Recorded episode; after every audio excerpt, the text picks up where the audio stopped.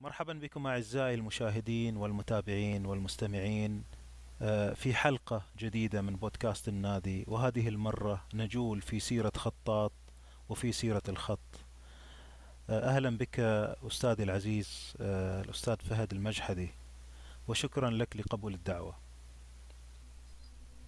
يا أهلا وسهلا الله يحييك. وأنا تشرفت آه، إني أكون ضيف عزيز ولطيف وخفيف إن شاء الله على برنامجك الجميل بودكاست. تسلم والله. أستاذ فهد خلينا في البداية ناخذ السيرة الشخصية. والله تبغى اصير شخصية مطولة ولا قصيرة؟ اللي تشوفه. أنا طيب راح أسأل آه، ما أريد. لا بالعكس آه، إحنا إحنا نكون سعيدين جدا أننا آه، ندخل في تفاصيل الأمور آه، بشكل كثير. نعم. آه والله شوف إحنا أنا سيرتي يعني طويلة جدا آه لأنها صارت على مراحل كثير. نعم.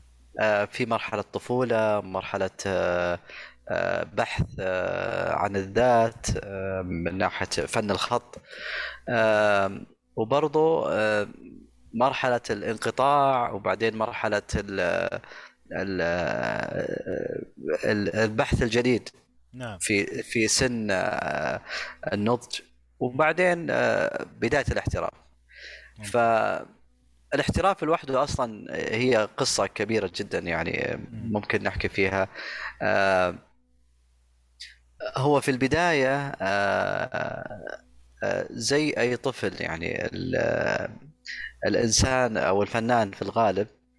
آه، يكون آه، آه، يحب التفاصيل.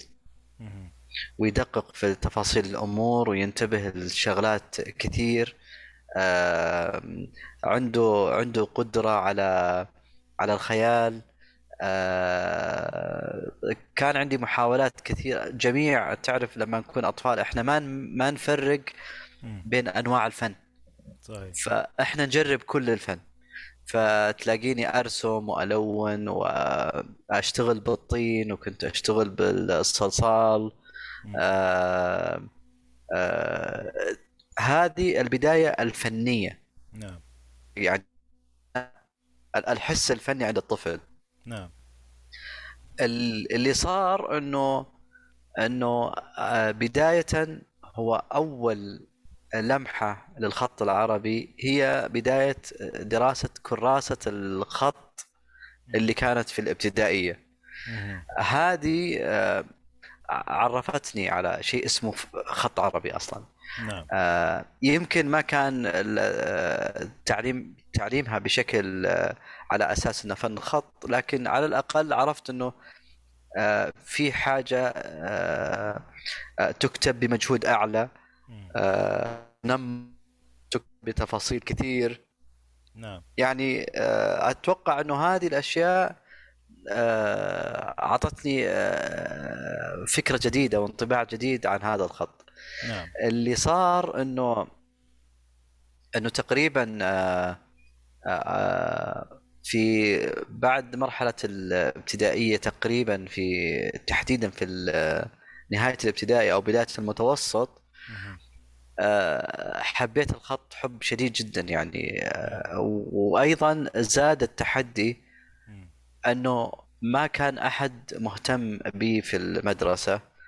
آه، في المقابل كان الاهتمام كثير جدا على آه، على طلاب آه، الطلاب اللي اللي يرسمون نعم كان التركيز عليهم أكثر لأنه باعتقاد أنه يمكن المعلمين بعضهم يعني ما كان عنده هذا الوعي الكبير. أنه يعتبر الخط العربي أصلا فن آه. آه، يمكن آه، ما أعطاه درجة أقل من من من درجة الفن الفن بشكل عام أو فن الرسم. نعم. آه، هذا خلاني آه، يصير عندي صدمة وانطوائية فنية يسمونها. آه، صار عندي تحدي إنه أنا لازم آه، أثبت نفسي آه، أن أني أن أو ألفت الأنظار لي في هذا الفن تحديدا. الخط العربي. وسبحان الله من صغري يعني كنت أنا آه، كرهت ال- ال- الفنانين والرسامين بسبب هذا الموضوع إنه ما في اهتمام ابدا في الخط العربي. فحسيت إنه هذا الموضوع ظلم. فيه ظلم كبير جدا يعني.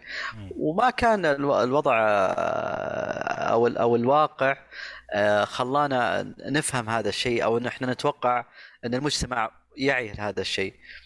فعشان كذا أنا آه، يعني عتبت عليهم ولكن ما كنت أستوعب إنه الناس أصلا ما تستوعب إن الخط العربي فن أصلا. نعم. ف هذا أعطاني صورة ذهنية أو صورة ذهنية لما كنت صغير إنه لما بدأت الآن أمسك زمام الأمور في الخط العربي أعطاني ع- حمل على عاتقي إنه كأنه أنا أحمل راية الخط العربي في البلد. إنه أنا لازم أنا اللي لازم أثبت للناس إنه هذا آه، فن يحترم ويعني يوضع أو يكون آه، صاف من ضمن آه، بالتوازي من من ضمن جميع الفنون الموجودة في المملكة أو على مستوى العالم. إنه هذا الفن فن عميق وله أصول. وسبحان الله كل ما تتعمق في هذا الفن آه، آه، يتسع. وهذا تعبير تعبير يمكن آه، عميق جدا إنه كل ما تتعمق يتسع أكثر. يعني في الغالب أنت لما تأخذ أمر معين وتدرسه بالكامل تلاحظ أنك أنت تغطيه بالكامل أو ممكن تغطي 90% يبقى 10% صح ولا لا؟ مم. آه، بعض الفنون كل ما تتعمق يتسع أكثر. يعني ما تقدر تخلص من هذا الموضوع. آه، كأنك تتعامل مع الطب. إيه. نعم. آه، يطلع لك أشياء جديدة حالات جديدة تجارب جديدة خبرات جديدة تفاصيل جديدة. فلذلك الفنون أنا بالنسبة لي بشكل عام أتوقع أنها في بمجملها آه، فيها هذه النظرة أنه كل ما تت- تتعمق فيها تتسع أكثر. هذا الفنان الحقيقي اللي فعلا يعني يتعمق في الموضوع. جميل. آه، طبعا آه، بعدها في مرحلة المتوسطة كان لي محاولات كثيرة ودراسة واطلاع وكان ال- ال- الوالد آه، الله يعطيه الصحة والعافية اشترى لي آه، كثير من الكتب ويمكن رحت لعدة آه، مناسبات فنية كان من ضمنها آه، كان هذا عالق في الذهن تماما آه، وممكن أعطاني انطباع غير ودعم أشوفه لأنه كان في ذاك الوقت من من يودي ابنه المعارض. عام عام 97 عام 95 96 كان الموضوع جدا يعني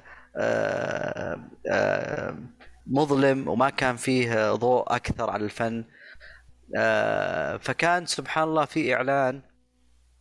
عن معرض ال- الخطاط العراقي هاشم البغدادي ومتوفي من زمان الله يرحمه نعم. فكان ابنه جاب أعمال ال- ال- الخطاط هاشم البغدادي آه، كثير من أعماله.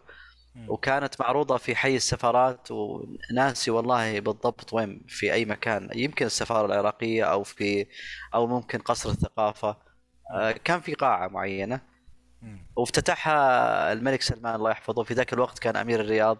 نعم. آه، فرحت للمعرض هذا في آه، يمكن أتوقع أنه اليوم الثاني أو الثالث. تعرفت على أدوات الخط. شفت الخط.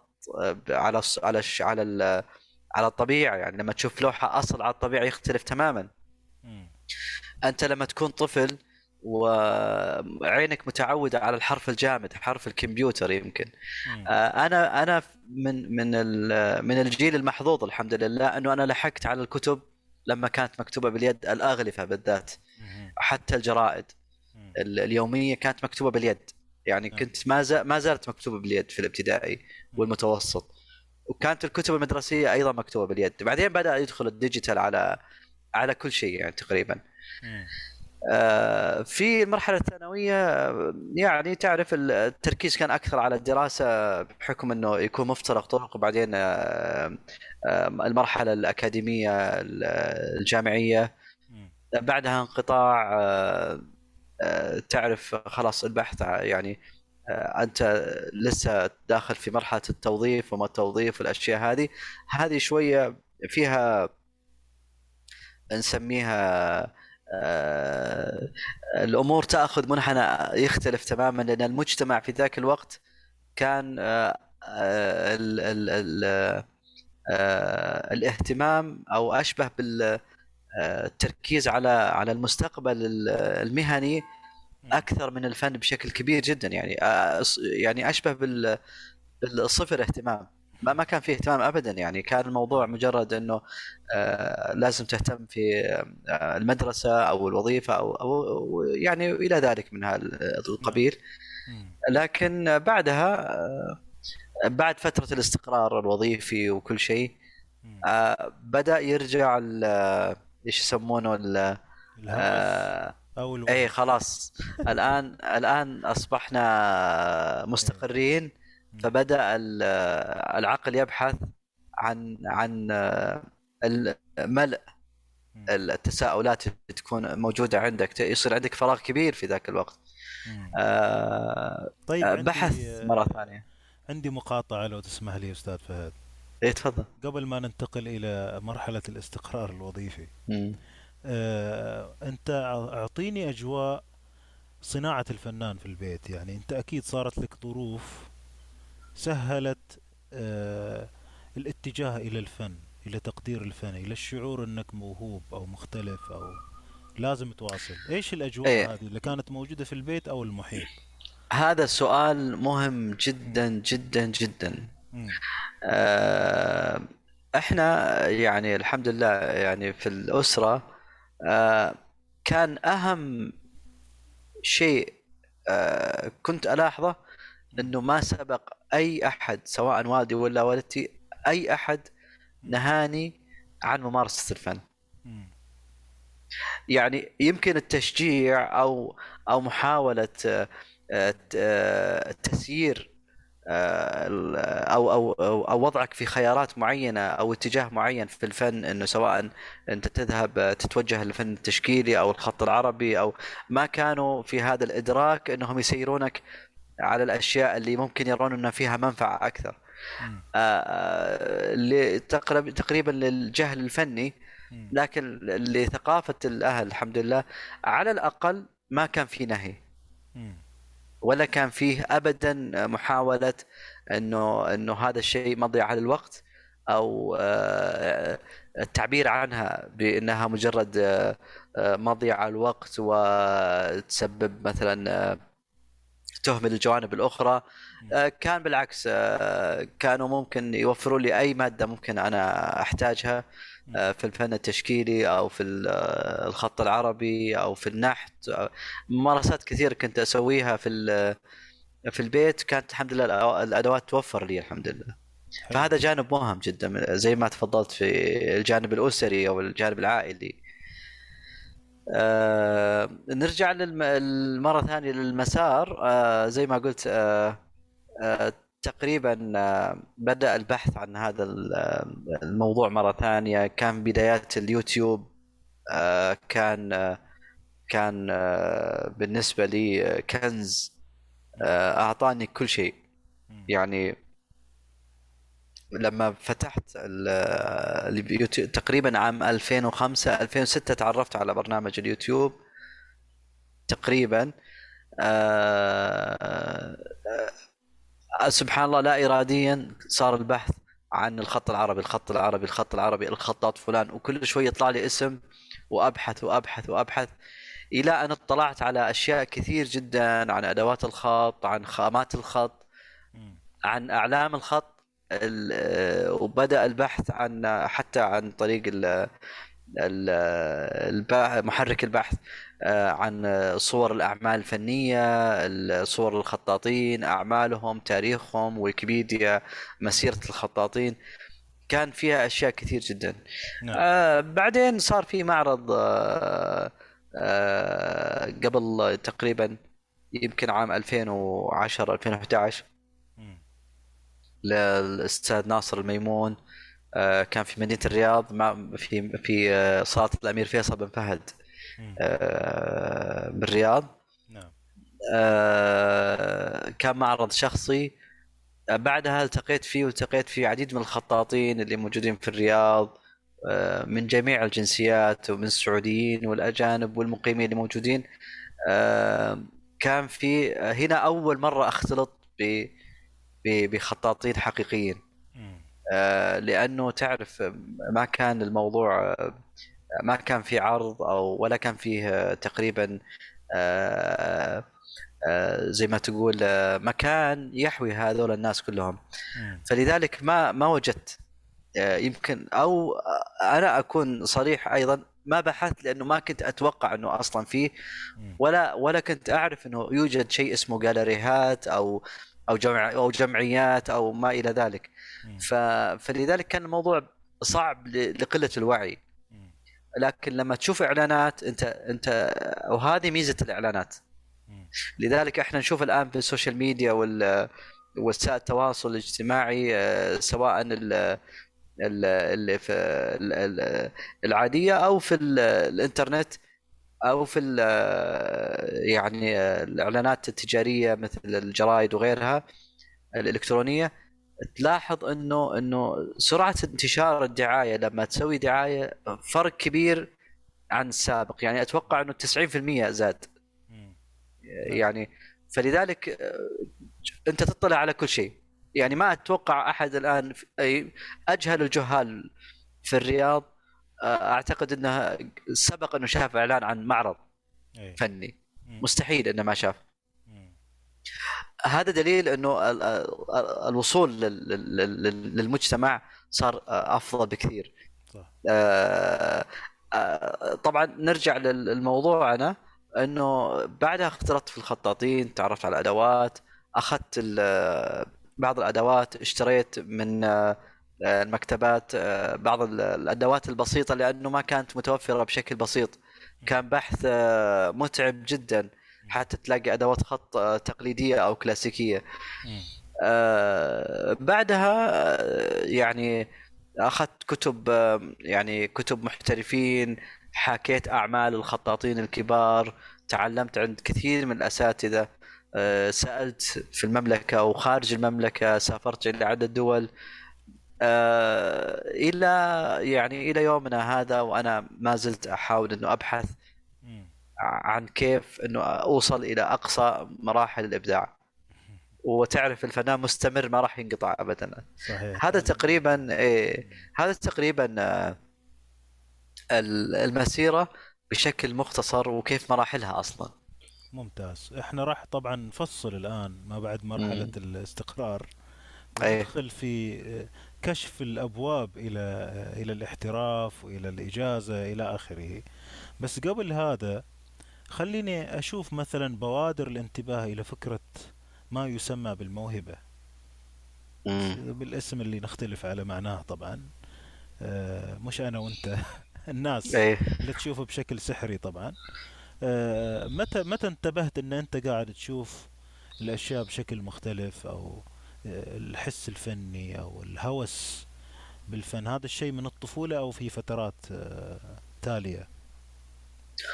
آه شوف آه آه أنا بتكلم عن نفسي وبتكلم عن ال- الفكرة كفكرة آه يعني آه آخذ الجزء الث- ال- ال- الثاني من سؤالك اللي هو آه عني أنا.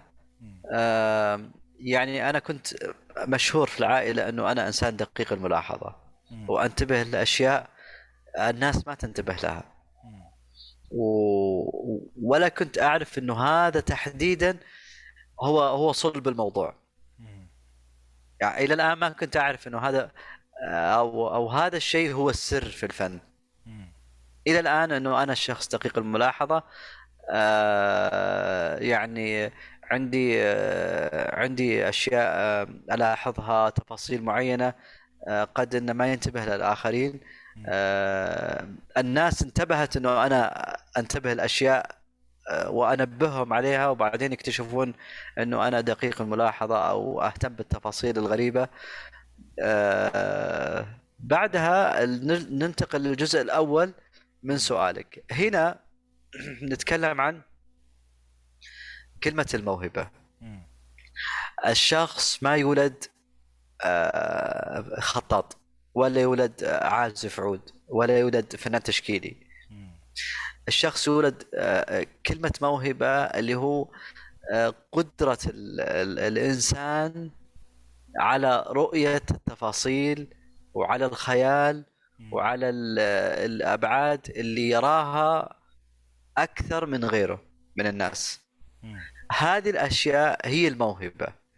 موهبة في العقل ومهارة في اليد مم. إذا إذا تجانست وصار فيها آه، توجه معين. راح يبدع الفنان نعم لذلك لذلك آه،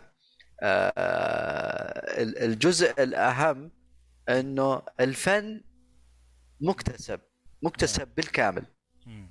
تمام.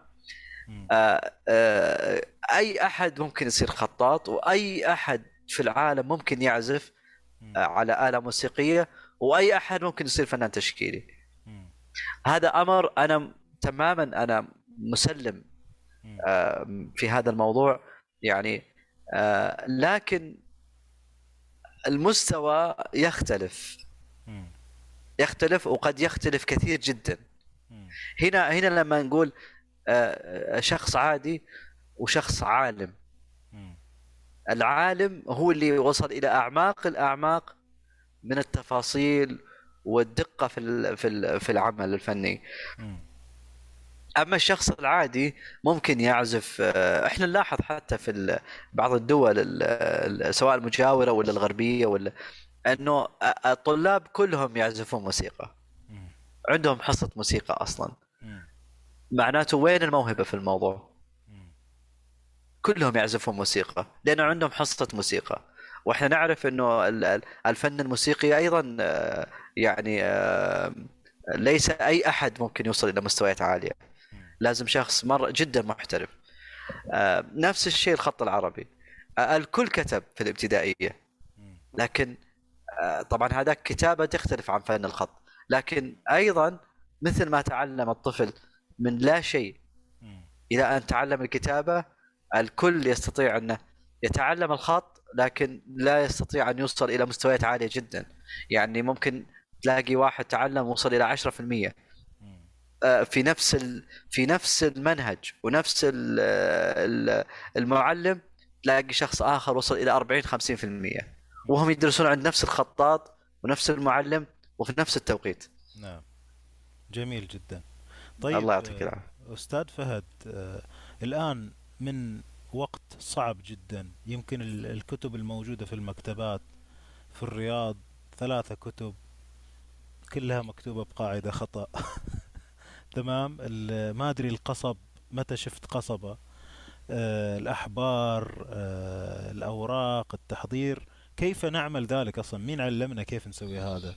إلى ال- ال- الهوس اللي وداك إلى ما أنت عليه اليوم. خلنا ناخذ هذه المسيرة التفصيلية لأن أكيد راح تفيد المستمعين و... وتعلمهم كيف يمشوا في الطريق الصحيح. أكيد يعني إحنا زي ما قلت لك ال... أنت تشوف كتب وتشوف أشياء لكن ما فيها تفاصيل أو أنت ما تقرأ تفاصيل لأنك ما ت... ما كنت تتوقع إنه إنه هذه الأشياء ما تفهم معناها. لما يكتب لك على يكتب لك يقول لك آه، آه، آه، الورق وما الورق. في في الكتب الخط لما يقول لك ورق ما يقصد الورق الاي 4 العادي اللي إحنا نكتب فيه. يقصد فيه الورق الطبيعي. تمام؟ أو الورق المقهر اللي تم معالجته بال بالمواد الطبيعية اللي هو بياض البيض والشبة والأشياء هذه. والنشا. مخلوط ببعضه. وبعدين يصقلون الورق الطبيعي من الأمام. ويطلع قابل للكتابة للخط العربي. مم. تمام؟ آه، قديما آه، كانوا يكتبون على الأوراق المصنوعة أو الأوراق الطبيعية. اللي كانت تجي من شرق آسيا يعني أول من صنع الورق أو أو بدأ في صناعة الورق هم الصينيين. نعم. اي ف آه، الخطاطين أخذوا هذا ال- ال- الورق وعالجوا ال- ال- ال- ال- سطح الورقة آه، وبدأوا يمارسون أو يعملون أعمال فنية ويكتبون على هذا الورق تحديدا نعم فدائما تلاقي آه، وهذه مشكلة لما تكتب تفتح كتاب يقول لك آه، الكتابة على الورق وال- وال- والقصب والحبر لكن الورق أنت ما تعرف إيش الورق. حتى لو قال لك الورق المقهر إيش الورق المقهر. التقهير اللي هو اللي هو معالجة الورق بالمواد الطبيعية اللي ذكرناها قبل شوي. نعم. هذا هذا الشيء ما تلاقيه إلا بالسفر والممارسة والاختلاط والاطلاع. نعم. آه، ما تفيدك الكتب بشكل كامل. مم. أيضا الحبر. الحبر أنواع كثيرة. الحبر ال- ط- يكتب لك في في الكتاب آه، ضع الحبر على المحبرة. طيب هو ما ذكر لك انه الحبر لخط النسخ بالأحجام الصغيرة كيف يكون مكوناته على الخط الثلث كيف يكون مكوناته للنسخ تعليق أو الفارسي كيف تكون مكوناته. يختلف تماما. ليش؟ لأنه لكل خط قوام. تحتاج أنت للأقلام الصغيرة تحتاج خط تحتاج عفوا حبر يكون كثافته خفيفة. لما تنزل بالقلم ما ينزل بشكل كبير. آه، ليش؟ لأنه لازم يكون آه، آه، يعني شوي ناشف ما يكون سائل بزيادة كل ما كبرت الأقلام لخط الثلث الجلي آه، تحتاج محبرة تقريبا تكون أكثر سيلان من النسخ. ليش؟ لأنه عشان المسار القلم ياخذ بعد أكبر وأطول و... وتاخذ اتجاهاتك وأنت مرتاح وما ينقطع عليك الحبر، هذه المعلومات ما تقدر تأخذها إلا من تجربة وأساتذة واطلاع مباشر، نعم ما تلاقيها في الكتب. هذه هذه اللي إحنا نتكلم وانت تفضلت فيها. إنه التفاصيل ما تكون دائما في الكتب. آه، الأقلام وأنواعها آه، يعني مع مع الاطلاع والسفر وال- والسؤال راح تلاقي الأجوبة دائما. وكيف حدث هذا الشيء؟ أي كيف يعني حدث؟ كيف آه، النافذة النافذة إلى إلى الضوء إلى العالم؟ آه، آه، هذا. النافذة. كان تحديدا في معرض الأستاذ ناصر الميمون لما التقيت في الخطاطين اللي موجودين كانوا. كل واحد يعطيك معلومة من جهة. كان في خطاطين كثير وبعضهم حتى مقيمين من سوريا ومن مصر ومن العراق. حتى من تركيا كان في أذكر آه، شخص جاي من تركيا وكان معه أدوات. آه، غريبة. آه، هنا آه، بعدها أنا لما سافرت إسطنبول. آه، لقيت ال- ال- ال- المتاجر أكثر احترافية بكثير. فصرت أشتري من هناك الأدوات أيضا آه، آه، إخراج العمل الفني آه، في إسطنبول كان أكثر احترافية بكثير. آه، تعرفت على نوعية الخامات على ال- الأدوات المناسبة لكل آه، نوع من أنواع الخطوط. آه، لطريقة إخراج العمل الفني سواء الكبير أو الصغير بجميع أنواع الخطوط. هذه التفاصيل أنا النافذة الحقيقية كانت المعرض الشخصي للأستاذ ناصر أيضا السفر.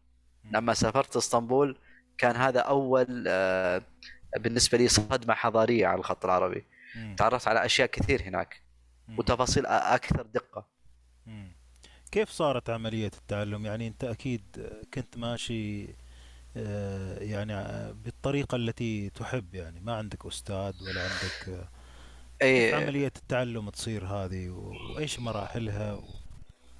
فيها طبعا هنا أنا قبلها بفترة قبل ما أسافر تعلمت آه، كان فيه آه، خطاطين كبار جدا قدامى يعني توفوا الله يرحمهم. جميعا. آه، كان محاكاة. وتقليد لأعمالهم. وبعد تعمق كثير جدا في تفاصيل الأعمال ومحاكاتها والعمل عليها و- والتأمل فيها بشكل كبير. وصلت مرحلة معينة آه، حسيت إنه أنا ماني قادر أتطور. هنا بدأت فكرة السفر.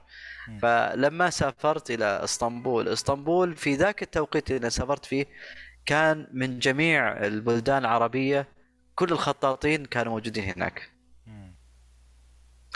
ف فاكتشفت إنه مجتمع آه، عالم كبير جدا. آه، تأخذ من جميع ال- الأعراق والشعوب. آه، تأخذ من جميع الثقافات. آه، أخذت ال- ال- الموضوع الآن هنا تقريبا عام 2013 مم. هنا الانطلاقة الحقيقية لفكرة إنه أنا أكون محترف. خلينا من الموضوع إنه أنا حاب ال- الخط. أو أنه عاشق للخط وشغف. آه، دخلت مرحلة أنه أنه أنه آه، لا ال- الآن كيف آه، أصبحت الأمور تتجه لاشياء أخرى. أنت كيف تضع لك اسم كيف تصنع تصنع شخصية فنان الموضوع في عدة مسارات وعدة اتجاهات ومتعب أكثر من.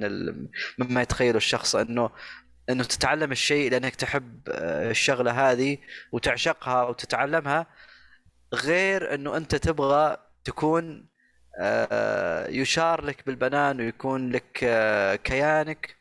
وتقود مرحلة مهمة جدا في عالم الخط العربي في منطقتك أو في بلدك. فتعلمت هنا كان فيه أساتذة مشهورين جدا و وكان في مركز اسمه مركز أرسيكا للأبحاث والفنون والدراسات الإسلامية. في إسطنبول. هذا تابع لمنظمة العالم الإسلامي آه، اللي موجود في جدة. وكان الله يرحمه الأمير فيصل بن فهد هو أول من أشار إنه يكون المركز في إسطنبول. وعشان كذا كان المبنى هناك وال والأساتذة هناك والإداريين كلهم هناك.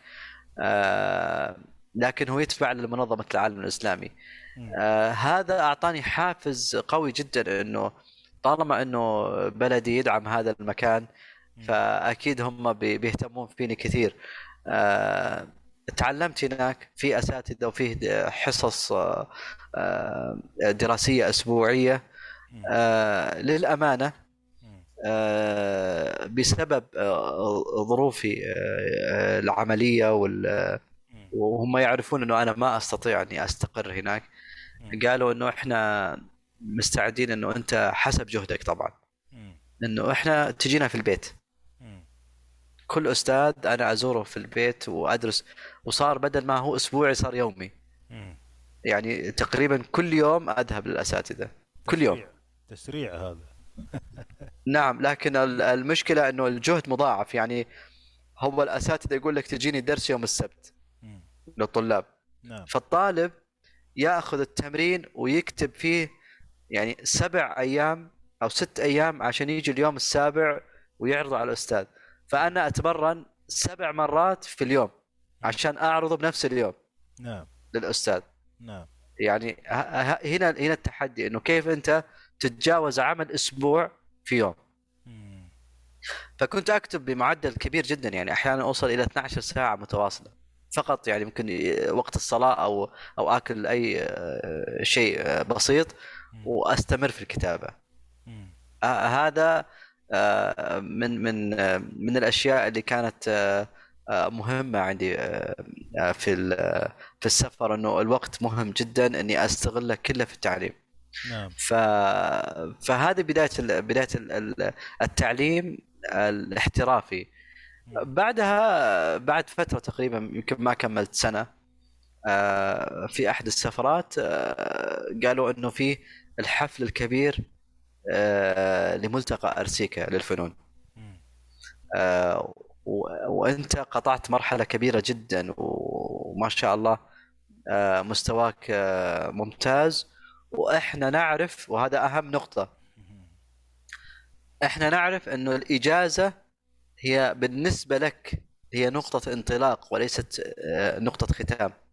لأنه في خطاطين إذا أخذ الإجازة آه، انتهى. يعتقد إنه وصل إلى أعلى القمم الإجازة كأنك تأخذ بكالوريوس. وتبدأ في المرحلة العملية. هو نسف المرحلة العملية كلها تماما أخذ الشهادة وجلس في البيت قاعد اتقاعد اتقاعد ليس بالمفهوم إنه جلس فعليا لكن ما تطور لأنه ما صار يدرس هو على أساس إنه تخرج. هو ما تخرج. الإجازة هي هي فكرتها إنه أنت عندك القدرة إنك تعلم ال- اللي بعدك. لكن أنت تستمر في التعليم وتنطلق للاحتراف الحقيقي كفنان. نعم فتخيل واحد تخرج من معهد الموسيقى وأتقن آلة وجلس في البيت يعزف لوحده. طيب وين ال وين ال وين الحفلات الموسيقية وال- وتبني لك اسم وتتطور ولأنه مع التجربة أنت تحتاج تطور نفسك كل يوم لأن الجمهور الجمهور إيه. الجمهور ما يسمح إنك إنك تقلل من شأنه وتطلع بشكل ما هو كويس بالنسبة لهم. فلذلك ال- ال- المحترف الموسيقي كل يوم يتطور علشان خايف من نقد الجمهور أيضا لأنه هو تعلم.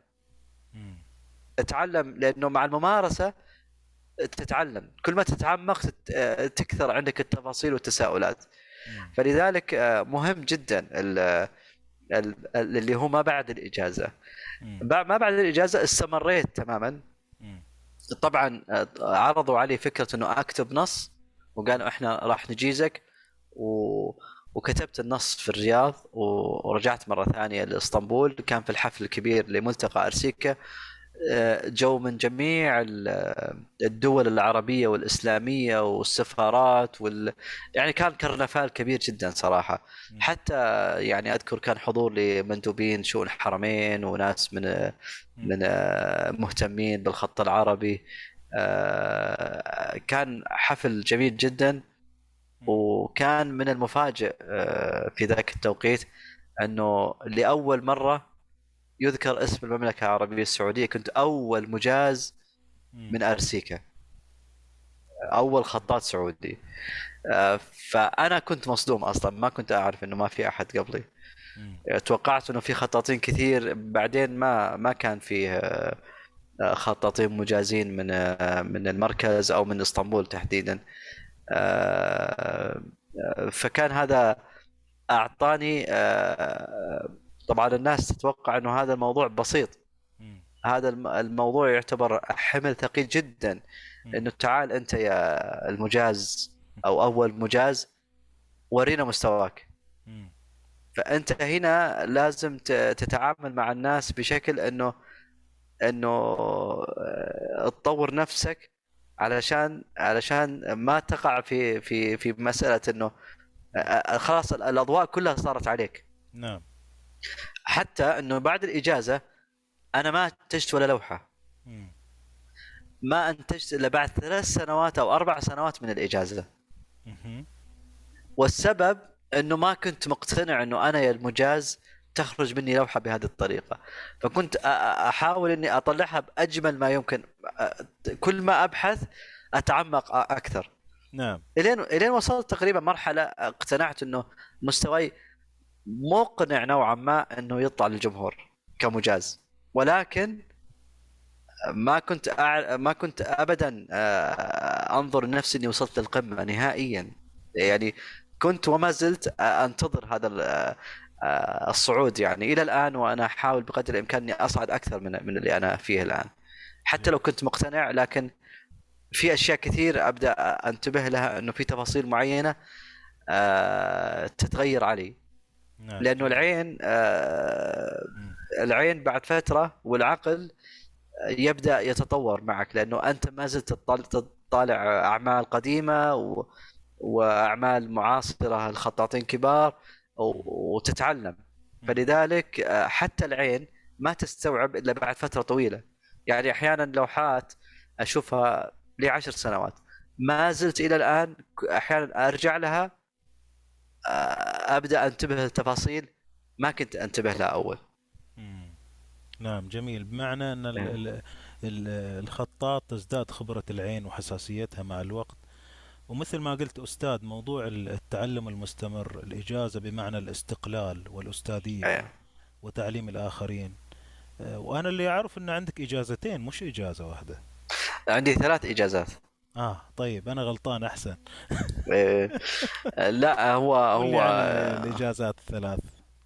لا هو شوف آه، الإجازة إحنا هم آه، هناك الأساتذة قالوا أنت مين أعطاك أول التوجيهات.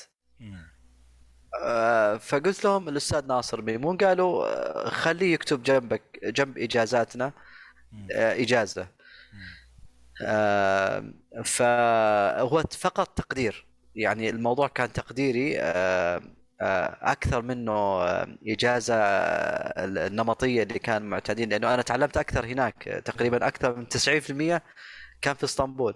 نعم. لكن قالوا لازم يعني ككتابة تقديرية لاستاذك الأول أو موجهك الأول أفضل إنه يكتب. فجيت هنا وكتب إجازة. مم. الإشكالية إنه كان الأستاذ ناصر ما كان آه، آه، ما كان مجاز فالغير مجاز ما يجيز. نعم. آه، هي هذا عرف لكن طبعا عرف فني عادي لكن مش مش قاعدة آه، يعني أساسية. آه، هو أخذ شهادات استحسان من العديد من الخطاطين من مصر. لكن قالوا اسمه مهم جدا بأنه يكون موجود في الشهادة آه، اعتبار إنه موجه الأول وكنت سعيد جدا في هذا الموضوع إنه يعني على الأقل آه، كان موجه جميل و وكتب الإجازة.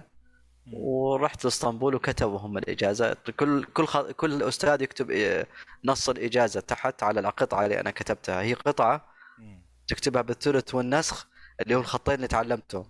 وتحت يكتب نص الإجازة. بسم الله الرحمن الرحيم. بسم الله والصلاة على آه، أشرف الأنبياء والمرسلين. آه، آه، أنا أنا الخطاط كذا فلان بن فلان.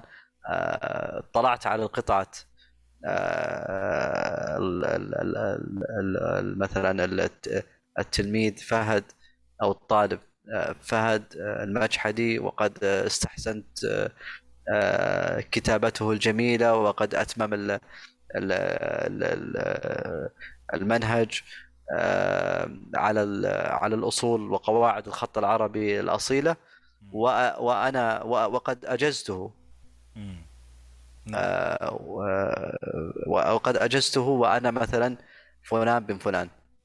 تلميذ فلان حتى ويذكر السند الخطي تبعه إيه. وأنا أستاذ وأنا معلمه حسن شلبي تلميذ آه، حامد الآمدي مثلا مم. هذا نص الإجازة. نعم. فهذا هو تقريبا اللي كان موضوع الإجازة الثلاث.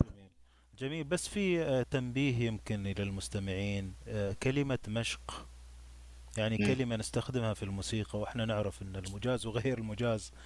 هو عايش في عالم المشق ومثل ما يقول الموسيقيين إذا لم أتمرن يوما فأنا أعرف وإذا لم أتمرن يومين فالفرقة تعرف وإذا لم أتمرن ثلاثة أيام فكل العالم يعرف.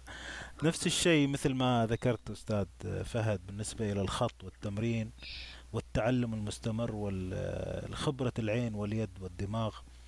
آه، كذلك يعني نبغى ناخذ لمحة عن روحية الدراسة وروحية التمرين المستمر ما بعد الدراسة. يعني إيش المشق اللي في الخط اللي إحنا استلفنا هذا المعنى وأخذناه إلى الموسيقى وأخذناه إلى فنون أخرى؟ المشق مثل ما تفضلت. إحنا نتكلم عن عن التمرين مم. أمشاق الخطاط هي تمارين الخطاط. و... و...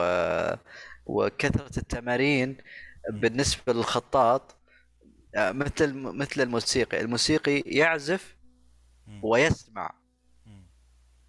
نعم الخطاط يكتب ويطلع مم. فالتغذية ال- البصرية للخطاط مهمة جدا بأهمية المشق مم. يعني أضرب لك مثال نعم خطاطين كبار جدا يعني آه، بدون ذكر أسماء آه، قدامى وحديثين آه، عرب اطلعت على كتاباتهم مم. وقيل لي أنه كتب آلاف الآلاف من التمارين. ولكن ما تجاوز مرحلة معينة والسبب. آه، لم يتوفر له طبعا ما كان إنه لأنه أقل موهبة أو أقل ذكاء أو أقل آه، قدرة ما توفر له مثل ما توفر لنا إحنا. يعني إحنا توفرت لنا الصور بشكل دقة عالية وبشكل واضح جدا وسافرنا وطلعنا على متاحف واختلطنا والتقنية ساعدتنا كثير. آه، لكن الدليل إنه ما كان عنده كان عنده مشكلة في التغذية البصرية، ما كان عنده مشكلة في المشق لأنه مشق أكثر مني 90 مرة. لكن عنده مشكلة في الاطلاع، هذا دليل إنه كان عنده مشكلة في الاطلاع. آه، أنا أحيانا آه، أجلس فترات آه، ما ما أكتب كثير جدا يعني آه، يعني ممكن ما يتجاوز نص ساعة في اليوم. آه، لكن آه، ألاحظ إني أنا مثلا اطلعت على أشياء كثير في الأسبوع هذا مثلا أو أسبوعين أو ثلاثة أو شهر أو شهرين. ألاقي نفسي قفزت آه، في في الخط أكثر. مع إنه ما كتبت كثير. لأنه اطلعت كثير. نعم. آه، فهي لازم تكون مع بعض. آه، مثل ما أنت آه، تمشق لازم تطلع. صحيح. لأنك ت... لأنك قد تمشق أو تتمرن على على على على نفس ال- الوتيرة. يعني أنت ما سويت شيء. أنت قاعد تم... تتمرن وتنقل من نفسك. أي. لكن لما تشوف وترجع تشوف وتكتب تلاقي نفسك تكتب على اللي آخر شيء. يعني الصورة البصرية صارت قريبة. مثل كأنك تسمع حاجة تروح تعزف. أي نعم. تفرق لما تعزف تعزف تعزف تعزف. ما سمعت شيء جديد أنت ما خلاص بدأ أول والذاكرة ترى الذاكرة ضعيفة. نعم. الذاكرة تبدأ يتساقط منها التفاصيل. مم. تغذيها بالاطلاع. صحيح. كل ما تطلع يعني مثلا يسقط اليوم 10% وتطلع أنت 40% فمعناته أنت تبني 30% مم. صحيح. بهذه الطريقة. مم. هذا الموضوع مهم جدا. مهم جدا. هذا الموضوع بالنسبة لي هو مفترق الطرق للخطاط أو الفنان بشكل عام. كل الخطاطين أو الفنانين بجميع أنواعهم اللي ما يغذي نفسه بصريا أو سمعيا خصوصا لل- لل- للموسيقى أو شيء آه، إذا ما يهتم بهذا الموضوع هو من لن يتطور صحيح أحسنت يعني هذه ملاحظة جدا مهمة وهي إيه. نوع من التحدي للفنان لأن الفنان إذا راضي عن نفسه ويطالع في مثلا مراية ترضيه دائما راضي عن نفسه أو منزل السقف. خلاص لا لا مرتاح ممتاز ممتاز. وكأنه كأ- زي ما تفضلت إنه كأنه أنت طالع بالمراية نفسك فأنت تعجب بنفسك لأنك أنت ما طالع لنفسك أصلا. نعم. فمن الطبيعي إنك ما راح تتطور. نعم. صحيح. جميل جدا. طيب خلينا ناخذ استراحة أستاذ فهد. ناخذ آه، شيء من الموسيقى مع مستمعينا ومشاهدينا على ذوقك. تمام. ثم نواصل الحديث. إيش نسمع؟ والله منير بشير التقاسيم رست كانت جميلة جدا. ممتاز. إذا نسمعها. تمام.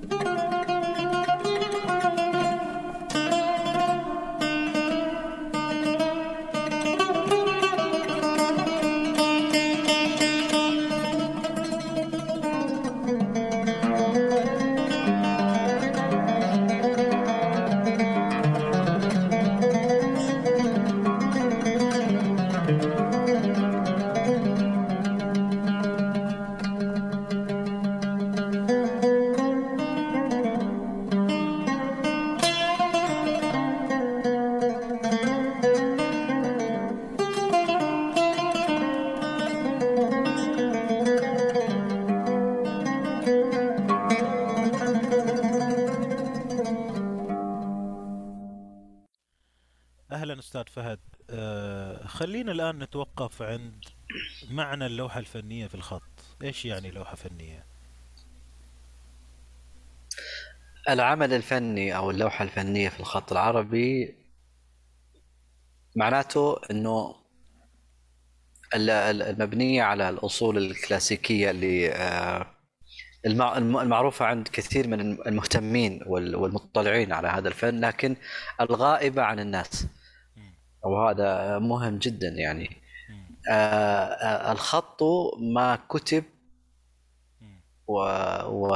ويعني وما نشاهد في أشياء كثير من اللوحات آه، خارج إطار الخط العربي. لكن اللوحة الفنية الكلاسيكية للخط العربي هي عبارة عن الورق المقهر مكتوب عليها بالأحبار سواء الصناعية أو الطبيعية. ومكتوب آآ آه، آآ آه، آه، ومكتوبة بالقصب أو بالأقلام الطمار أيضا هي من أنواع القصب. أو بالسلايات الصغيرة لخط النسخ وغيرها. هذه الأدوات هي الأدوات الرئيسية للوحه الخط العربي. آه، لكن كيفية إخراج العمل الفني؟ هذا موضوع آخر أيضا. هذه أدوات ال- ال- ال- اللوحة. إخراج العمل الفني يعني هو عبارة عن عمل سكتشات وقوالب لحد مثلا نتكلم عن موضوع إخراج اللوحة بخط الثلث الجلي اللي إحنا نشوفها فوقي هذه. اي نعم. هذه اللي موجودة وراي.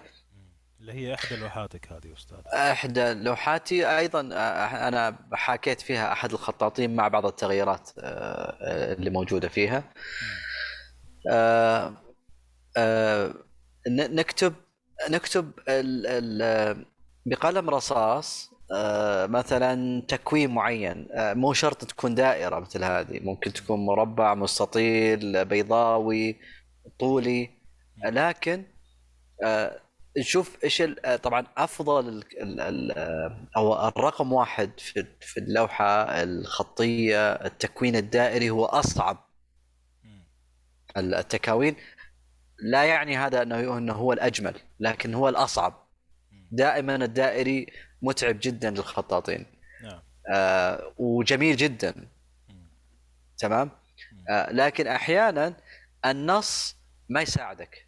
إنك آه، قد يكون تكوين غير الدائرة أجمل من الدائرة. مم. كجمال. نعم. آه لكن آه هذه بقلم رصاص تكتب مثلا الحروف والك- والكلمات تحاول آه، تضع تصور أولي لها.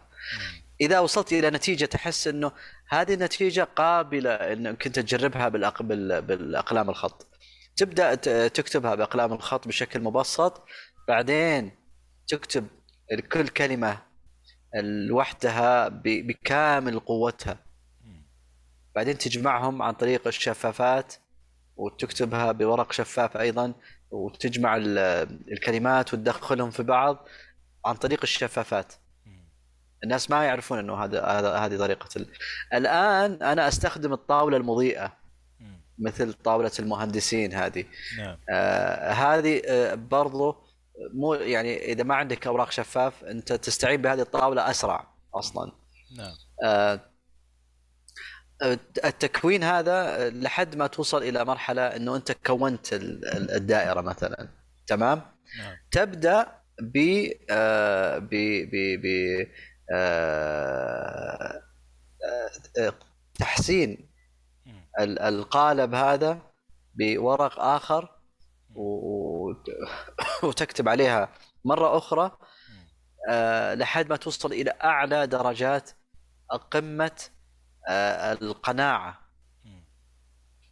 آه، لأنه الشخص يرى العمل جميل جدا لأنه ما ظهر للناس ولا ظهر للنقاد ولا ظهر لأشياء أخرى فإذا وصلت مرحلة آه، تحس إن أنت راضي عن القالب آه، نجيب الورق المقهر اللي تكلمنا عنه في البداية الورق اللي يستخدم لأعمال الخط العربي. نعم. نحطه فوق القالب وعن طريق الطاولة المضيئة نعيد على الحروف اللي كتبناها والكلمات اللي كتبناها مرة ثانية من جديد.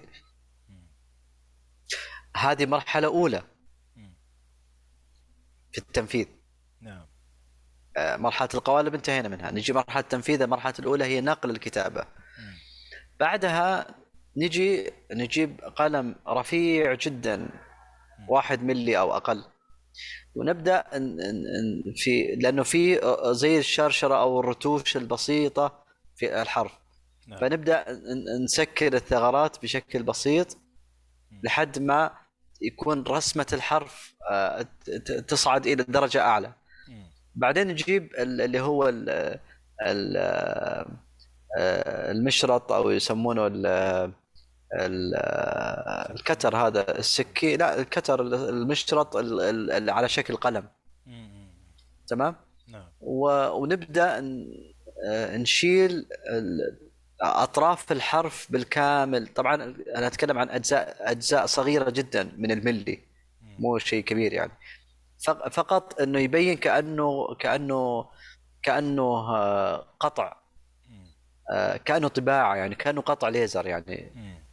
هنا الحدود الحرف لازم تكون نظيفة جدا مم. الموضوع يعني متعب جدا ما هو سهل آه بعدين الناس تشوف العمل بشكل نهائي بهذه النظافة وبهذه الدقة يتوقعون إنه أنا كتبته بشكل مباشر أو بشكل آه أبسط مما يتخيلون يعني.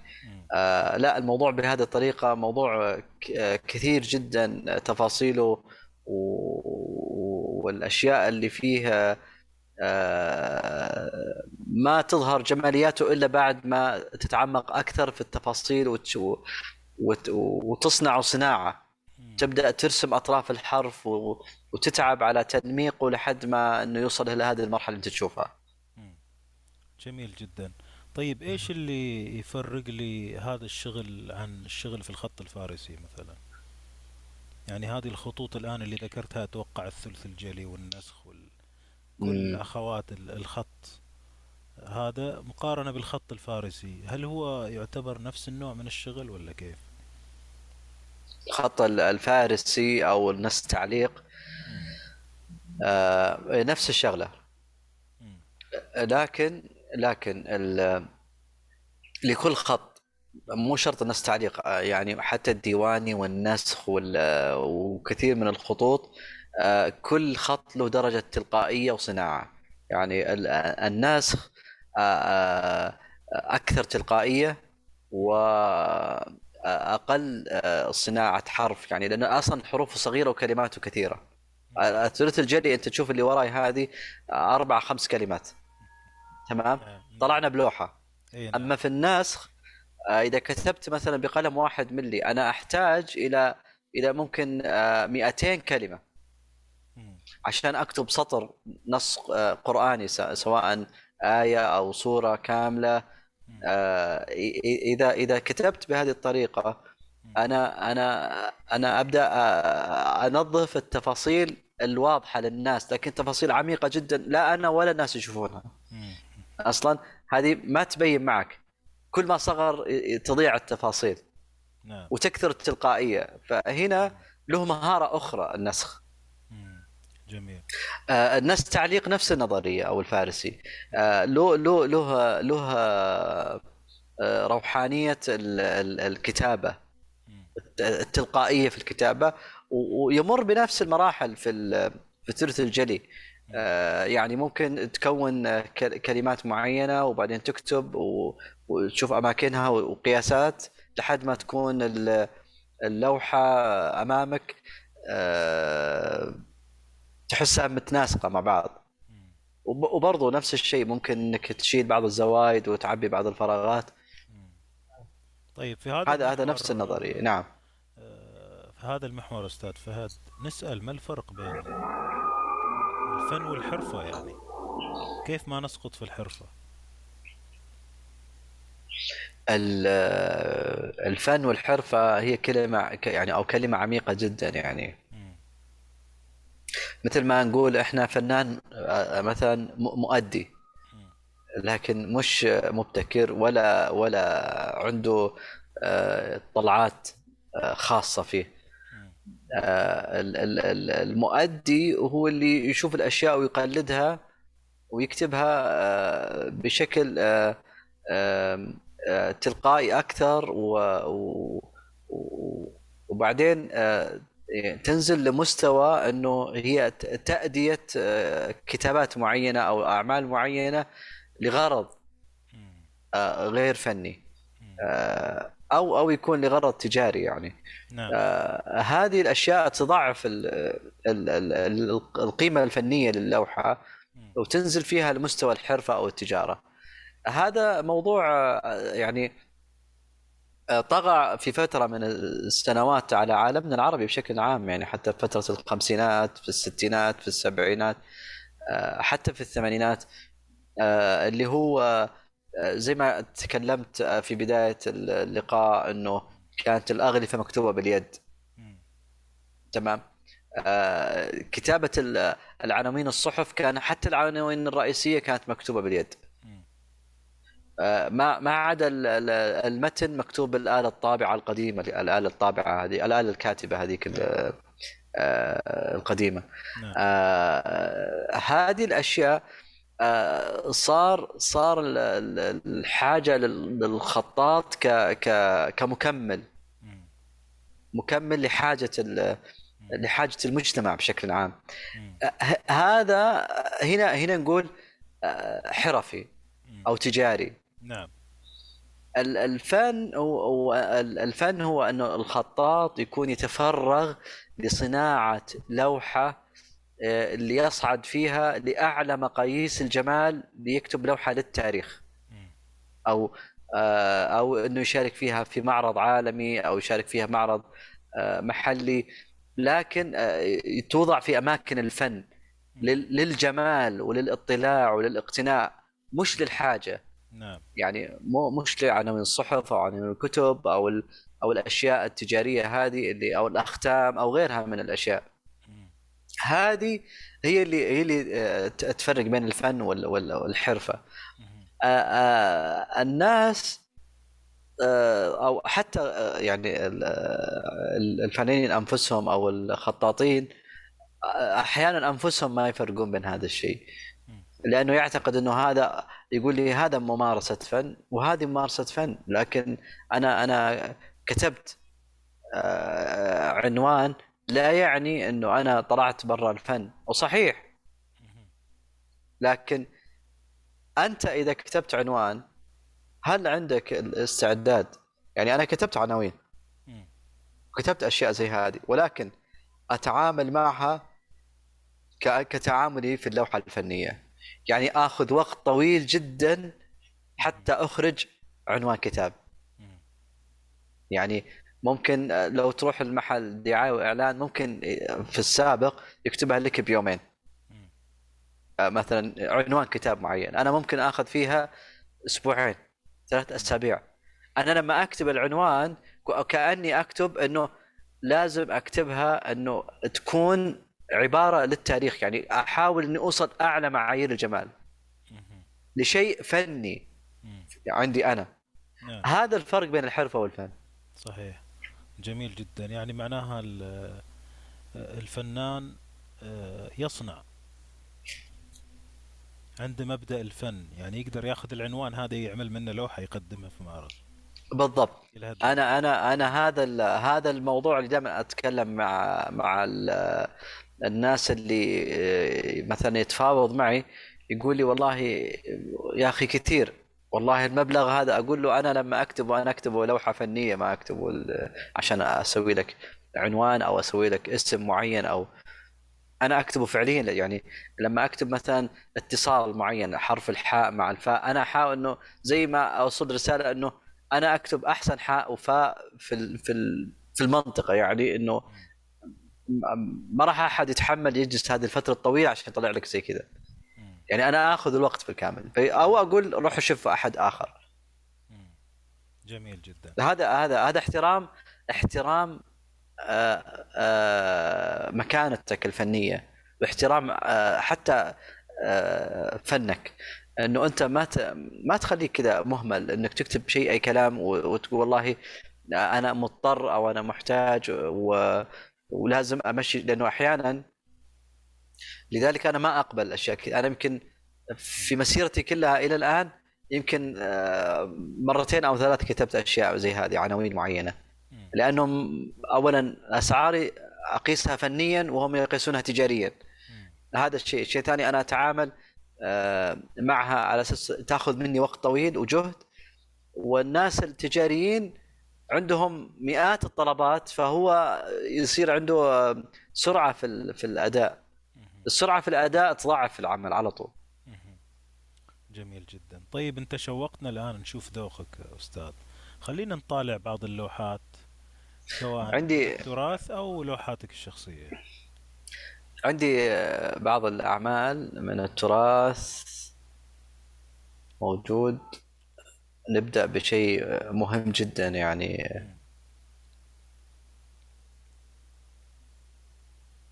هنا تلاحظ هذا الخطاط آه، سامي أفندي آه، شوف تاريخ اللوحة عام 1321 يعني هذه لها تقريبا أكثر من 120 سنة أو أكثر 122 أو 23 سنة. نعم. آه، طبعا في التوقيت هذا كان كان الخطاطين يكتبون في مادتين. أنت تشوف ورق مثلا لونه بيج أو أصفر فاتح يعني جدا ورق طبيعي. آه، ويكتبون بالحبر. لكن في هذا التوقيت العصر هذا تقريبا قبل مئة سنة كان أكثر ما يكتب الخطاطين يكتبون بال- بالزرنيخ. أها. هي مادة أشبه بال- بالطباشير. بس إنها سائلة. نعم. آه، لكن آه، لكن آه، آه، مادة طبعا هي مادة سامة جدا يعني. السرنيخ من من أكثر المواد آه، سمية. مم. آه، فيكتبون بالزرنيخ لأنه فيها تحكم ورسم. لو تلاحظ إنه إنه في في لو أقرب لك أطراف الحرف أنت شايف إن عندي إيه. كيف نعم. واضحة لك الان هنا؟ اي نعم. يمكن في لوحة بعد شوي بطلعها بتكون أوضح من كذا كشرح. فيها تفاصيل أكثر كيف تشوف إنه كيف ينظفون العمل الفني. كان ينظف باللون الأسود. وبعدين يحط أصفر إذا يعبي شوية إذا شاف إنه أحيانا يشيل حرف بالكامل أسود ويكتب فوقه حرف مرة ثانية بالأصفر. فزي زي السبوره. آه، فهذه آه، لأنه ما كان عندهم ورق كثير يسوي سكتشات زينا الآن. نعم. هذا من أهم الأسباب اللي كان يخليه آه، إنه يستخدم هذا الأسلوب. نعم. طيب عندنا اللوحة اللي بعدها. آه هنا واضحة. نعم. شوف كيف هنا ال- إيش تشوف هنا في ال- أطراف الحرف؟ صحيح. شوف ال- ال- ال- ال- القطعة هنا السواد وهنا. نعم. أحيانا يمسح ويحركها يمين شوي. شوف هنا واضح جدا هنا السكون مم. والفتحة كانت هنا بعدين غير موقعها ونزلها. كانت بهذه الطريقة قديما لأنه لأنه الحاجة للورق كانت شوي صعب إنهم ي- يتحكمون في هذا الموضوع هذه أيضا ثلث جلي. آه هذا أحد الخطوط الكوفي ال- آه، آه، قديما نعم طبعا الكوفي له أنواع كثير يمكن أكثر من 80 نوع القيرواني والفاطمي والمربع وال...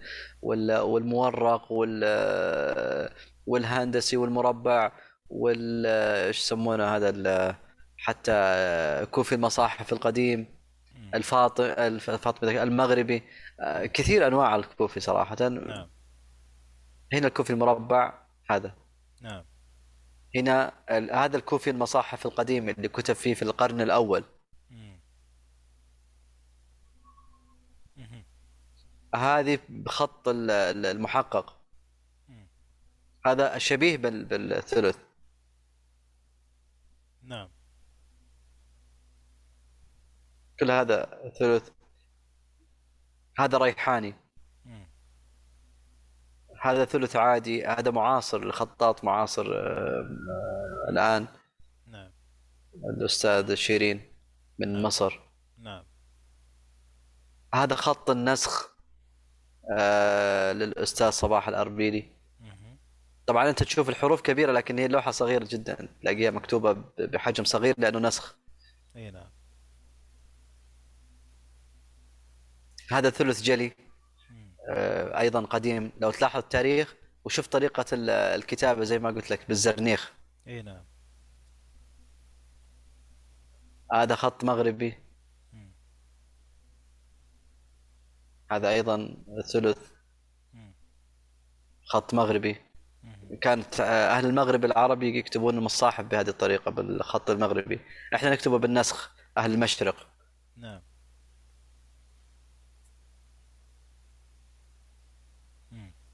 هذه أحد ال- ال- الخطوط الكوفية.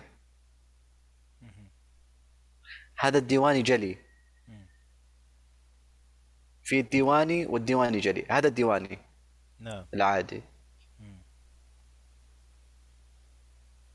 هذا خط الوسام آه هذا ابتكار معاصر جدا للأستاذ آه، وسام شوكت الآن موجود آه من العراق. آه، الأستاذ وسام حب إنه يبتكر نوع جديد من أنواع الخطوط وجميل جدا في التكاوين. واستخدموا في كثير من اللوجوات الشعارات الشركات والمؤسسات والمناسبات الفنية وغير الفنية وأيضا الأعمال الفنية. نعم. يعني آه، زي ما تشوف هذا عمل فني. نعم. هذا أيضا أحد الخطوط الكوفية القديمة. هذا النص تعليق أو الفارسي. هذه أبجدية معينة موجودة. شفت كيف؟ لو نكبر هنا آه نلاحظ إنه نعم. شوف آه زي ما قلت لك آه الأطراف هذه آه أيضا فيها فيها شغل في التنظيف. ما هي أطراف عادية. راح أوريك بعد شوي في نموذج الآن موجود عندي في هذا أيضا فارسي. هذا أيضا خط الريحان. هذا خط سنبلي اللي فوق وتحت خط الوسام اللي تكلمنا عنه قبل شوي وسام شوكت. هذا مصاحفي هذا وسام شوكت أيضا خط الوسام تكوين آخر. ديواني جلي. هذا ثلث جلي. آه، نفس العهد نفس الحقبة الزمنية 1341 نعم. أو 49 هذا تكوين الاستاذ داوود. آه هذا عام 1417 في مسابقة أرسيكا اللي تكلمنا عنها. آه واللي فازت بالمركز الأول. لو تلاحظ كيف التناغم في التركيب. آه هذه أحد أهم الأعمال الفنية المعاصرة. هذا محقق. نعم. ثلث جلي. شوف هذه لوحه لي أنا كان تكوين. طبعا اللي تحت آه، لما تشوف أنت هنا النسخ هذا مجرد آه، لما أتعب أقعد أكتب آه، أتسلى أكتب تحت أشياء. نعم. لكن لو تلاحظ هنا بكبر لك شوف كيف الرتوش. نعم. لأنه قالب هذا. لاحظ كيف؟ نعم. شفت كيف القوالب شلون آه يعني شفت كيف الحرف الآن غير نظيف. نعم. فيه فيه آه فيه آه تعرجات فيه.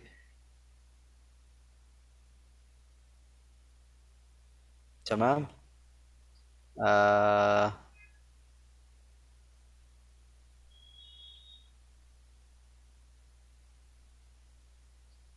أيضا هذا تكوين آخر لعمل أيضا لي اخر شوف كيف نظام المربعات والأشياء هذه. نعم. تاخذ جهد كثير. جميل. هذا ديواني. شوف هذا بعض الأشياء أنا لما أحاول أنمق الحرف وارسمه بالرصاص و... يعني الموضوع شوي طويل في التكوين ياخذ وقت طويل جدا يعني. تقريبا هذه لمحة بسيطة عن أنواع الخط العربي ودخلنا على أشكال اللوحات و وكيف طريقة التكوين بشكل مختصر يعني. طيب نشوف شيء من شغلك يعني. خلينا نتذوق لوحة من لوحاتك. اللي قبل شوي كانت من شغل بس مو مو نهائي. خلينا نشوف آه. اللوحات على الأقل نتذوقها معاك. طيب. آه هذه لوحة نهائية. اللي قبل شوي آه، عملنا لها تكوين. نعم. هذه نعم. جنات عدن التي وعد الرحمن عباده بالغيب إنه كان وعده مأتيا. نعم. الله. طيب. شفت كيف؟ آه، هذه التفاصيل. الآن شوف الدقة لما كنا نتكلم عن الموضوع أطراف الحرف كيف شفت تغيرت؟ نعم. شوف كيف. يعني تشوف الحدة في في الحرف. هذا هذه اللوحة اللي أو سبحان الله قبل شوي كان في موجود القالب لها أو أحد القوالب. بس لوحة واحدة أستاذ فهد. أعطيك لوحة ثانية. وخذ فينا يعني كذا مشينا شوية يعني. خلي ال- المشاهدين يستذوقوا الفن الخط واللوحة الخطية. أبشر. هذه أيضا لوحة آه برضو كان موجود قالبها قبل شوي. نعم. قل هذه سبيلي أدعو إلى الله على بصيرة أنا ومن اتبعني. نعم. جميل. في آه أي نعم آه أيضا فيها لوحة. أنا بوريك آه، لوحة مهم. آه ف- آه آه بطريقة معاصرة وجديدة يعني. آه شوف هنا مهم. اللوحة اللي هو العالم يتحدث. مم. وعملتها بالنحاس وكونت تقريبا لوحة آه، عن طريق الحروف آه، بشكل على على قالب الخريطة العالم. وكان فلسفة العال- العمل إنه العالم يتحدث العربية و- وأخذت انتشار واسع جدا واشتهرت اللوحة جدا هذه. آه، ال- ج- جمالية الحروف دائما تطغى على أي آه، تكوين أنت تسويه. آه، الحرف العربي له ال- الجذب الجمالي. مم. فاللوحة آه، أعتبرها طبعا هذا خارج موضوع الكلاسيك هذه تعتبر تعتبر آه، لوحة آه، من من الفنون ال- ال- ال- المودرن ال- الكلاسي ال- عفوا. آه، بأسلوب فني آرت أكثر خارج إطار الكلاسيكية لكن حافظت على جمالية وقوة الحروف ال- اللي في الثلث نعم أن تكون ما فيها مثلا آه، آه، يعني يكون شكلها هزيل أو شكلها آه، مكتوبة بطريقة بسيطة أو سريعة. لا حرصت تماما انه يكون دقة الحرف زي ما هو بالكلاسيك موجود في في الفن في الآرت. نقول عاشت إيدك. الله يسلمك يخليك تعيش أنت. جدا والله.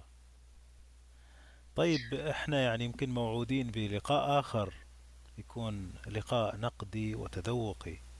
وناخذ إن شاء الله. أخرى. لكن خلينا نمر على مجموعة من ال- الأسئلة المهمة آه، أستاذ فهد. أي نعم. آه، إيش اللي اللي يفرق الخط عن الكتابة؟ مثلا هذا سؤال بديهي. آه، ال- الفرق بين بين الخط والكتابة. الكتابة هو التدوين ال- يعني بداية بداية الخط العربي أصلا كان بدايته كتابة وليس فن. في في القرن الأول الإسلامي أو ما قبل ال- ال- الإسلام. بزم فترة زمنية بسيطة بدا التوثيق أو بدأت الكتابة في الجزيرة العربية. وتطور مع كتابة المصاحف بخط ال- ال- الكوفي المصاحف القديم اللي آه، شفناه قبل شوية صورة منه. نعم. لو تلاحظ كان أقرب لكتابيا.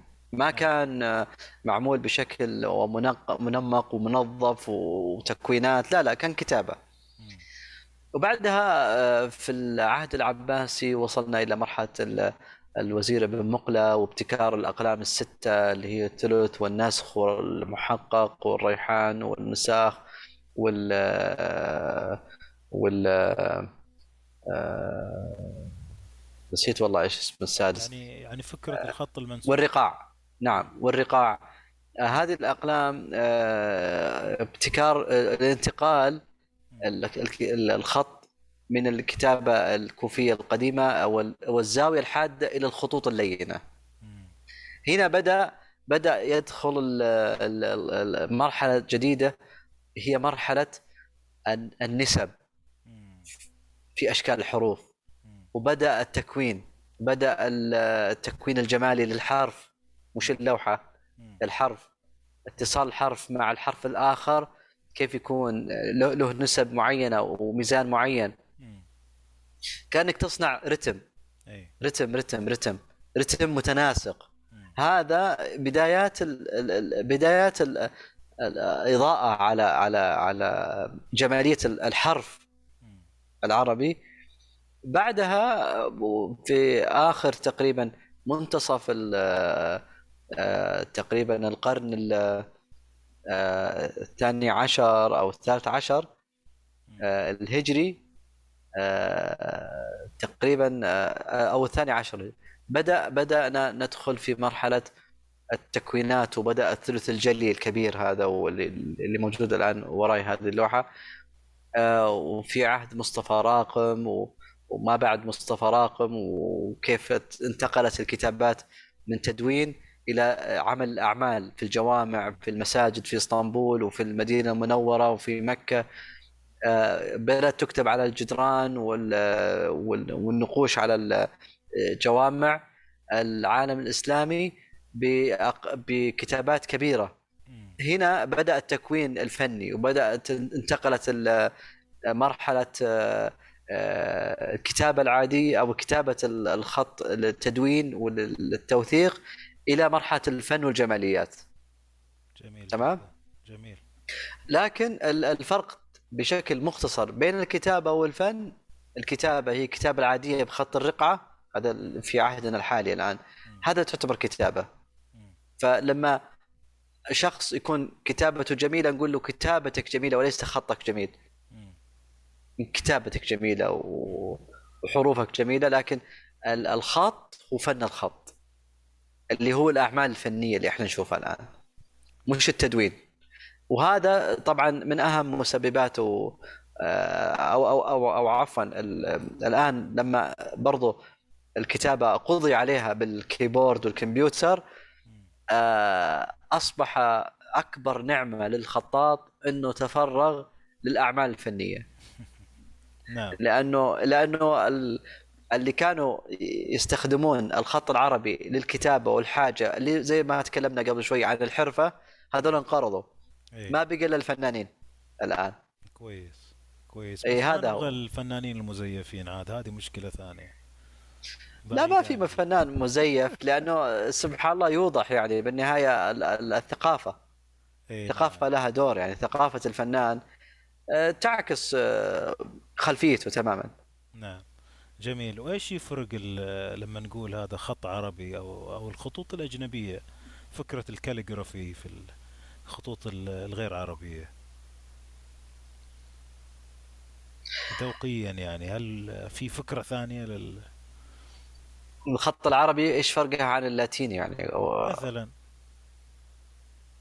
آه، شوف ال- الخط العربي فيه فيه احتماليات كثيرة وفيه ليونة أكثر وفيه نسب آه، جمالية أكثر وتكوينات.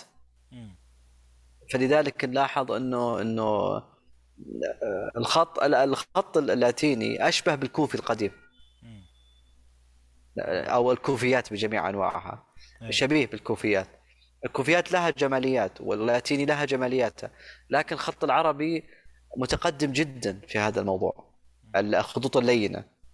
آه، الثلث والنسخ وصل مراحل عالية جدا من العمق الفني.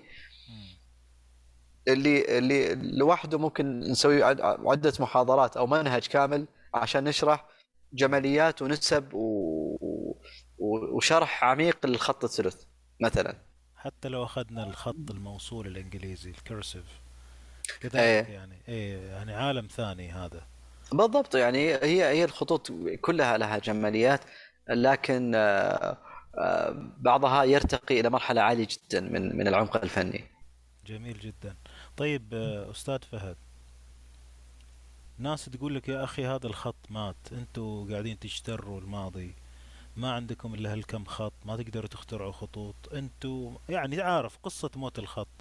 نسمع مم. تعليق من فنان وممارس إي هذا الموضوع دائما آه، أنا أشوف ال- آه، بعض الفنانين آه، أول ما يدخل عالم الفن وبعدين يلتفت إلى الخط العربي يقول والله آه، يتعلم كذا كذا حاجات أساسية بسيطة بعدين فجأة يقول أنا بقى اخترع خط. طيب. أنت عزيزي إذا بتخترع خط أنت لازم تفهم إيش هو الخط وتتعمق فيه وتوصل إلى مرحلة إنه أنت تعي أنت إيش قاعد تسوي. يعني أنا أشبهها بشيء جميل جدا. المقامات الموسيقية. نعم. من وضع المقامات. تمام؟ نعم وضع المقامات ناس آه، أطروا الموسيقى في مقامات مم. إطار قال لك نعم. هذا الإطار تطلع منه نشاز أي وأعتقد أنهم أمضوا فترة آه، في في في هذا الشيء زي ما يقول المثل القديم من جرب المجرب حلت به الندامة يعني أنت تجرب شيء أصلا جربوه الناس القدامى يعني أنت تطلع برا. وتجي السنوات تحاول وتكتشف بعد عشر سنوات أو عشرين سنة ضيعتها من عمرك عشان تكتشف حاجة جديدة. الناس اللي قبلك سبقوك في تجربتها وقالوا لك لا تطلع من هذا المسار ترى هذا هو المسار الصحيح ولا تتعب نفسك. الوقت والعمر قصير جدا.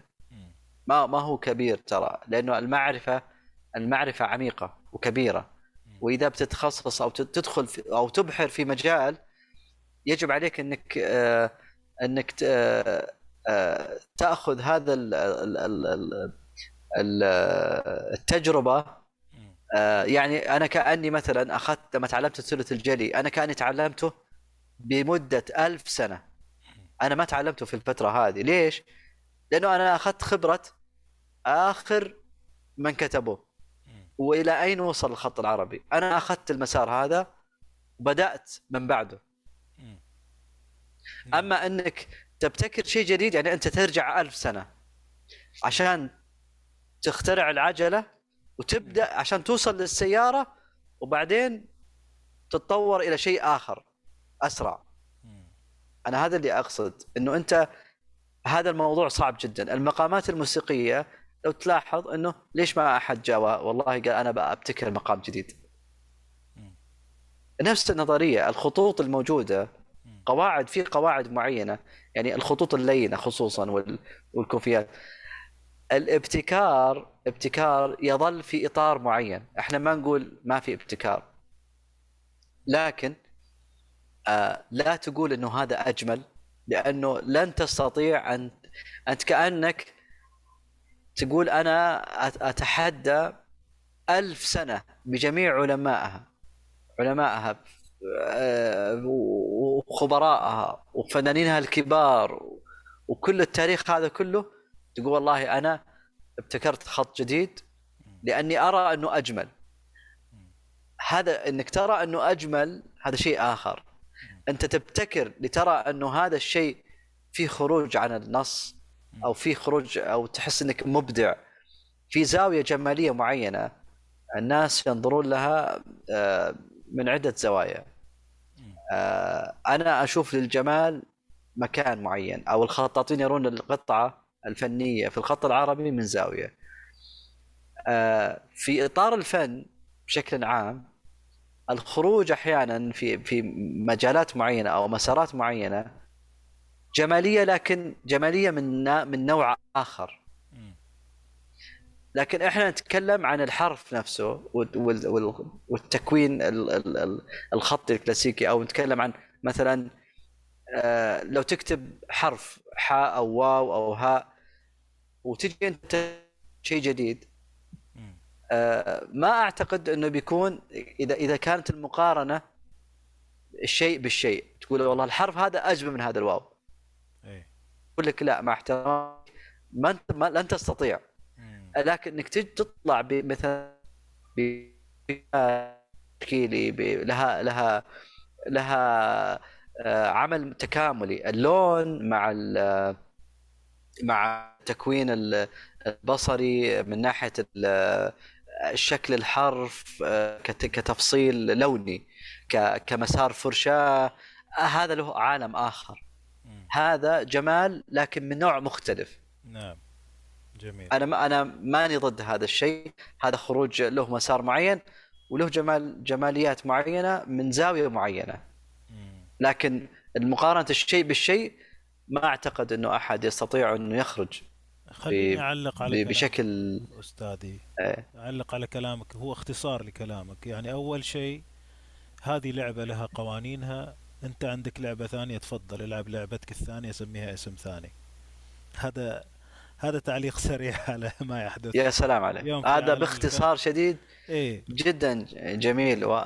رقم اثنين آه، كيف واحد يقول والله أنا راح أخترع شيء جديد؟ يمكن هذه عبارة فلسفية. كيف راح أخترع شيء جديد؟ أنت تعرف الموجود عشان تتأكد إنك اخترعت شيء جديد. هذه آه، نقطة ثانية. مثل الباحثين الآن لما الواحد يبحث عن حلول أو يبتكر أفكار جديدة يروح يشوف العالم إيش موجود فيه. يبحث في كل التراث إيش اللي سبقوه عمله وبعدين يقدر يتكلم. وثاني شيء نكتة لما واحد يقول لك هذا أفضل وأحلى وأعظم شيء في العالم هذا يتكلم عن العالم الصغير اللي هو شافه. لسه ما شاف شيء لذلك بسرعة وصل إلى أعظم وأحلى. فموضوع إيه. الابتكار يحتاج تواضع يحتاج تعب يحتاج نعم. مثل ما قلت أستاذ. أنت أنت مرة يعني أعطيتني حاجة مهمة جدا. أنت صادق. يعني أنت لما تبتكر حاجة جديدة هي ليست جديدة أنت على أساس إنها جديدة. الآن. مهما ابتكروا من خطوط جديدة يظلوا تحت مظله المبتكر الأساسي. اللي هو الخطوط اللينة. وإذا نعم. رجعنا إذا أنت اخترعت خط جديد آه، جامد أقرب اللاتيني فأنت ما زلت تحت مظله الخطوط الكوفية. فأنت ما طلعت برا المسار يعني. أنت فعليا أنت داخل إطار داخل إطار الموجود. نعم. ما ابتكرت شيء جديد. أنت كتبت بأسلوب آه، آه، بأسلوب مختلف سواء مطور عن شيء قديم. نعم. هذا هذا فعلا أنت صادق في إنه لو بحثت في إطار أبعد أو أوسع تلاقي إن أنت أخذت شيء وطورته. أو أخذت شيء وكتبت ب- بطريقة مشابهة. يعني ال- لو شفنا قبل شوي الخط السنب الخط السنبلي اللي قبل شوي. انحناءات وبعض الانحناءات الانحناءات الموجودة موجودة في الثلث. ال- ال- التقطيع ال- الزوايا الحادة في موجودة في اللاتيني. مم. بعضها موجود في فهو آه، هو لا اراديا هو ما أخذها عمدا. لكن آه، عنده عبقرية معينة واخترع هذا ال- ال- ال- النمط لكن هي تجميع عقله ال- ال- الباطني اللي أخذه من من التغذية البصرية وطلع بهذا الشيء. فهو ما زال داخل إطار المقامات. جميل. نفس المقامات الموسيقية. صحيح. فعلا هي يعني الناس اللي ابتكروا مقامات ووسعوا مثل الناس اللي ابتكروا خطوط ووسعوا داخل نفس اللعبة وقوانينها ومبادئها. وهنا نقول جوابا يمكن على موضوع موت الخط إحنا لا يعني سؤالي إلك هل أغلق الباب؟ لا طبعا زالت آه، الحياة آه، الآن إحنا نعيش أجمل أجمل نهضة آه، خطية في الع- في العهد المعاصر الآن تقريبا آه، يعني المئة سنة اللي راحت إحنا في ال- في العصر الذهبي في المئة سنة مم. الموجودة الآن آه، الظروف آه، كثيرة آه، آه، ساعدت على هذا الشيء وظروف كثيرة آه، أخفت هذا الشيء آه، قبل. آه، مرينا بمراحل آه، آه، كثيرة آه، النهضة أو ال- أو ال- الطفرة الصناعية اللي جت على العالم كله ساعدت أيضا حتى. لذلك آه، آه، إحنا نقول آه، الخط العربي الآن صار ما بقي إلا للفن. الفن. نعم. آه، بالعكس الآن إحنا نعيش مرحلة ال- ال- آه، التلذذ في في في فن الخط العربي. إحنا الآن معارض موجودة. آه، آه، ترى سابقا ما كان في جاليريات تعرض. قبل خمسين سنة ما كان في معرض فني معرض مشترك لخطاطين. أبدا ما كان موجود. نعم. الآن موجود. معناته الآن الآن العصر هذا هو عصر فن الخط العربي. أو الفن بشكل عام من ضمنها الفن الخط العربي. تلاقي معارض اجتماعات محاضرات ندوات أشياء مختلفة كثيرة عن السابق. فلذلك إحنا نعيش آه، يعني آه، وقت مزدهر جدا لفن الخط العربي. فالفن الآن بالعكس في في أقصى مراحله الج- الجميلة. جميل جدا. جميل جدا. طيب آه، حديثا عن التقنية والإنترنت والسفر وكل الأمور هذه اللي أحدثت الأجواء الإيجابية هذه للخط والحيوية اللي في الخط. نجي نتكلم عن الحاسوب. يعني آه، ناس تقول والله حتى برامج خط صنعت. يعني نقدر. بكل سهولة نكتب ونحرك ونركب وطلعت برامج خط. فخلينا نشوف الجانبين الإيجابي والسلبي من من تجربتك مع الحاسوب كخطاط.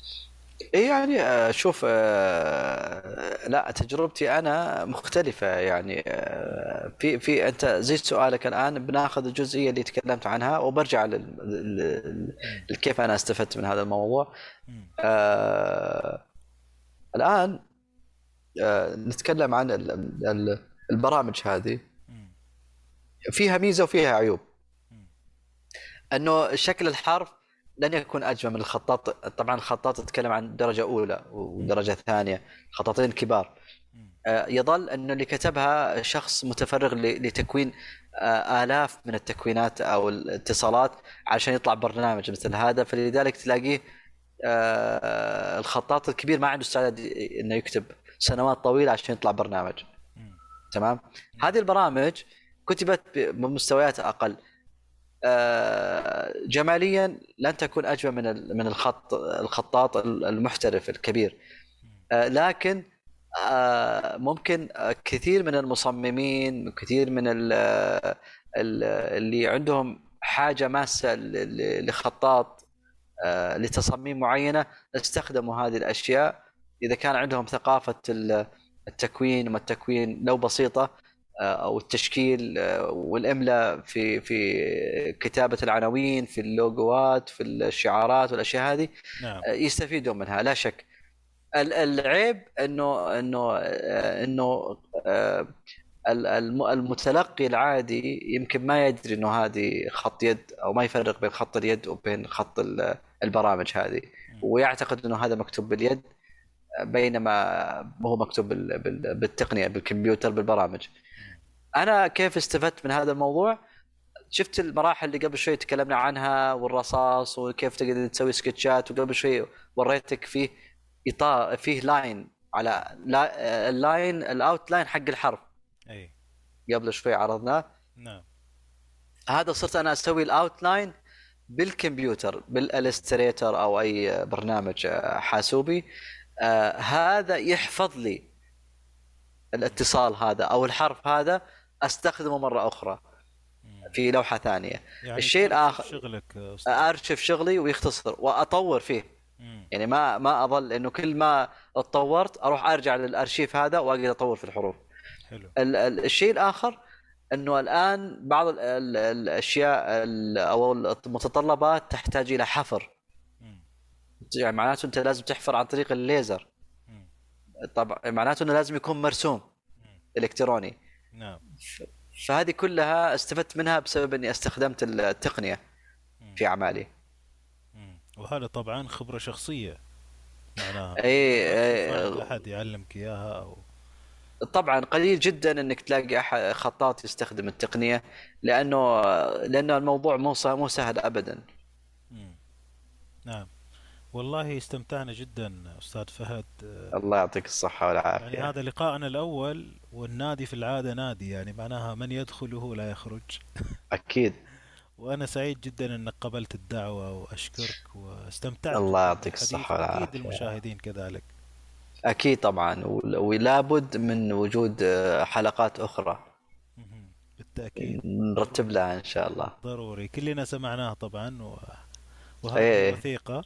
يعني الله الله يستر نشوف كم الشهود. إيه نعم. طيب أستاذ فهد خلينا نختم بشيء آه، آه، يعني موسيقي. آه، ختام مسك ما رأيك؟ اي أنا أعطيتك الذائقة أنت المره هذه. طيب. خليني أختار فن لعبوني. فن لعبوني ينسب إلى محمد بن لعبون من نجد. وهذا النوع من الفن الذي آه، انتقل إلى خارج البلد وصار معروف. خلينا نسمع هذا الفن من الدكتور أحمد الصالحي والمجموعة في دخينة ونشكرهم على هذا الشيء. ونشكر أعزائي المشاهدين والمستمعين وأشكرك أستاذ فهد. الله يعطيك الصحة والعافية. شكرا لك. الله يحييك.